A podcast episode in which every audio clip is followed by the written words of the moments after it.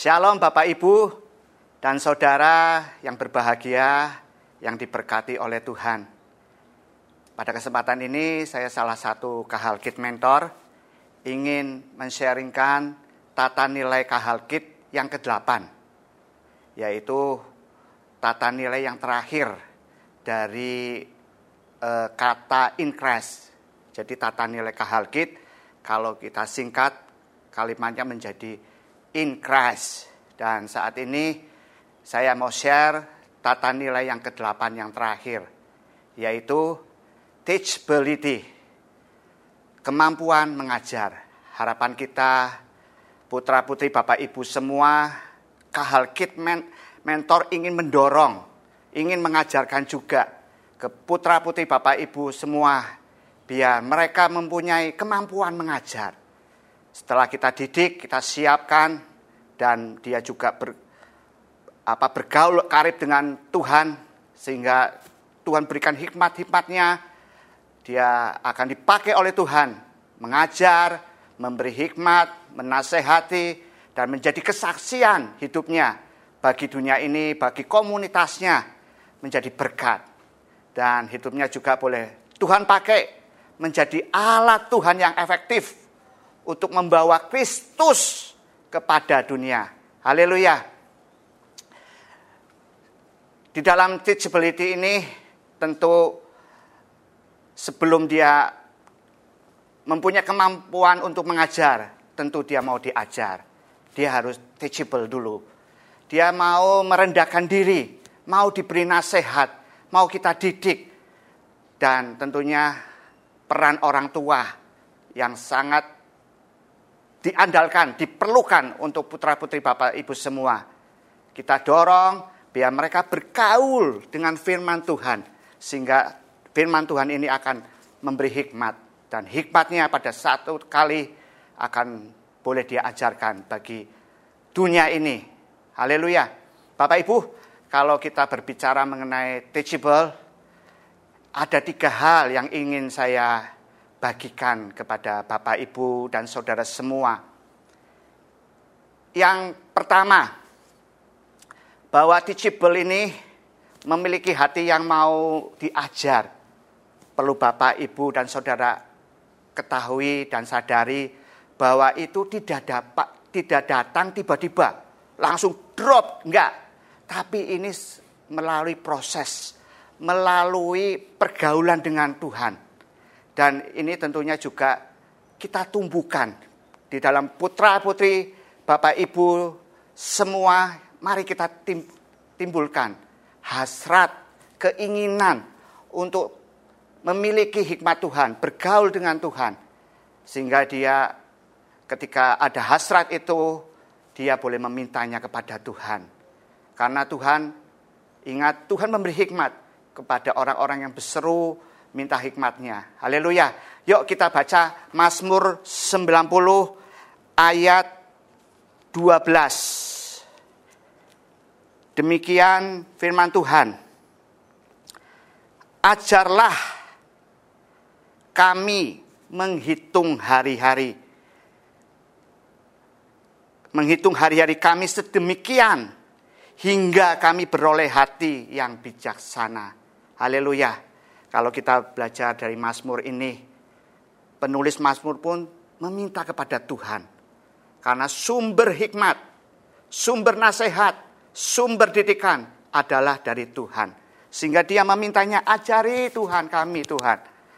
Supaya kami ini beroleh hik hikmatmu, sehingga itu kami ini boleh bijaksana. Sehingga kami juga hidup ini bukan sekedar hidup, tapi kami boleh transferkan nilai-nilai kebenaran Tuhan, nilai-nilai surgawi bagi dunia ini, sehingga terang Kristus boleh dilihat melalui hidup kita. Haleluya. Yang kedua, Bapak Ibu sekalian, uh, ini sekali lagi tadi yang saya sampaikan kepada Bapak Ibu semua bahwa teachable itu, hasrat itu harus ditimbulkan Seringkali putra-putri Bapak Ibu dan putra putra saya sendiri kadang-kadang masih kecil ya, mungkin untuk memiliki hasrat itu sering kali belum menangkapnya, belum ada keinginannya untuk itu. Lah, ini kita sebagai orang tua, ayo timbulkan hasrat untuk mencari Tuhan, untuk mengingini, mengingini diajar oleh firman Tuhan, kesendirian dengan Tuhan. Bapak Ibu, ini poin yang kedua, didiklah anak-anak kita untuk takut akan Tuhan. Yuk kita baca di Amsal 22 ayat yang ke-6. Demikian bunyi firman Tuhan. Didiklah orang muda menurut jalan yang patut baginya. Maka pada masa tuanya pun ia tidak akan menyimpang daripada jalan itu. Haleluya. Bapak Ibu, ini pesan Tuhan bagi kita sebagai orang tua. Dan pada kesempatan ini saya mau berbicara kepada para pria para bapak-bapak, saya juga pria, saya seorang bapak. Biarlah melalui kesempatan ini kita merenungkan kembali apa peran bapak, apa peran pria bagi keluarga. Ingat Bapak Ibu dan para bapak-bapak sekalian, kita sebagai laki-laki itu punya peran penting di dalam keluarga, yaitu sebagai imam. Haleluya. Ayo, mari eh, para bapak, para pria, ya kita memang perlu mencari uang, menghidupi anak-anak kita, istri kita dengan uang. Kita berusaha giat mencari uang untuk kebutuhan mereka semua, pendidikan juga, untuk keperluan apa pun juga. Tapi ingat, peran ini jangan sampai tertinggal Para bapak, para pria, dengar hari ini saya mau berkata-kata kepada kita semua para pria. Ingat, kita adalah imam. Jadi fungsi iman ini jangan sampai saudara semua tinggalkan, bapak-bapak tinggalkan. Ini peran yang Tuhan sendiri inginkan. Jadi bukan sebagai mesin uang saja, tapi inilah imam apa itu? Yaitu membawa istri kita, anak-anak kita, keluarga kita untuk takut akan Tuhan, untuk tahu kebenaran firman Tuhan, untuk menghidupi firman Tuhan. Ayo bangkit, ayo bangkit bersama-sama. Saya juga minta kepada Tuhan, Tuhan sempurnakan keimaman saya di dalam Kristus supaya saya semakin efektif, efisien bagi kerajaan Allah untuk keluarga saya. Haleluya. Dan yang ketiga, Bapak Ibu semua. Poin yang ketiga sangat penting juga. Jangan, jangan sampai anak-anak kita dididik oleh pengajaran dunia. Ya, anak-anak itu sebagai diilustrasikan seperti kertas putih. Apa yang dicoretkan itu akan membentuk. Lah, kalau yang mencoret atau mengisinya kertas putih itu dengan ajaran-ajaran yang tidak sesuai dengan firman Tuhan, wow, kita akan sedih karena masa depannya mereka akan tidak menyenangkan hati Tuhan. Biarlah pada kesempatan ini, kalau kita berbicara tentang teachable, mau diajar, hati yang mau diajar, ayo kita sebagai orang tua menjadi guru mereka, menjadi mentor mereka, mendidik mereka untuk takut akan Tuhan. Mari kita baca di Mazmur 1 ayat 1 sampai 2. Demikian bunyi firman Tuhan. Berbahagialah orang yang tidak berjalan menurut nasihat orang fasik.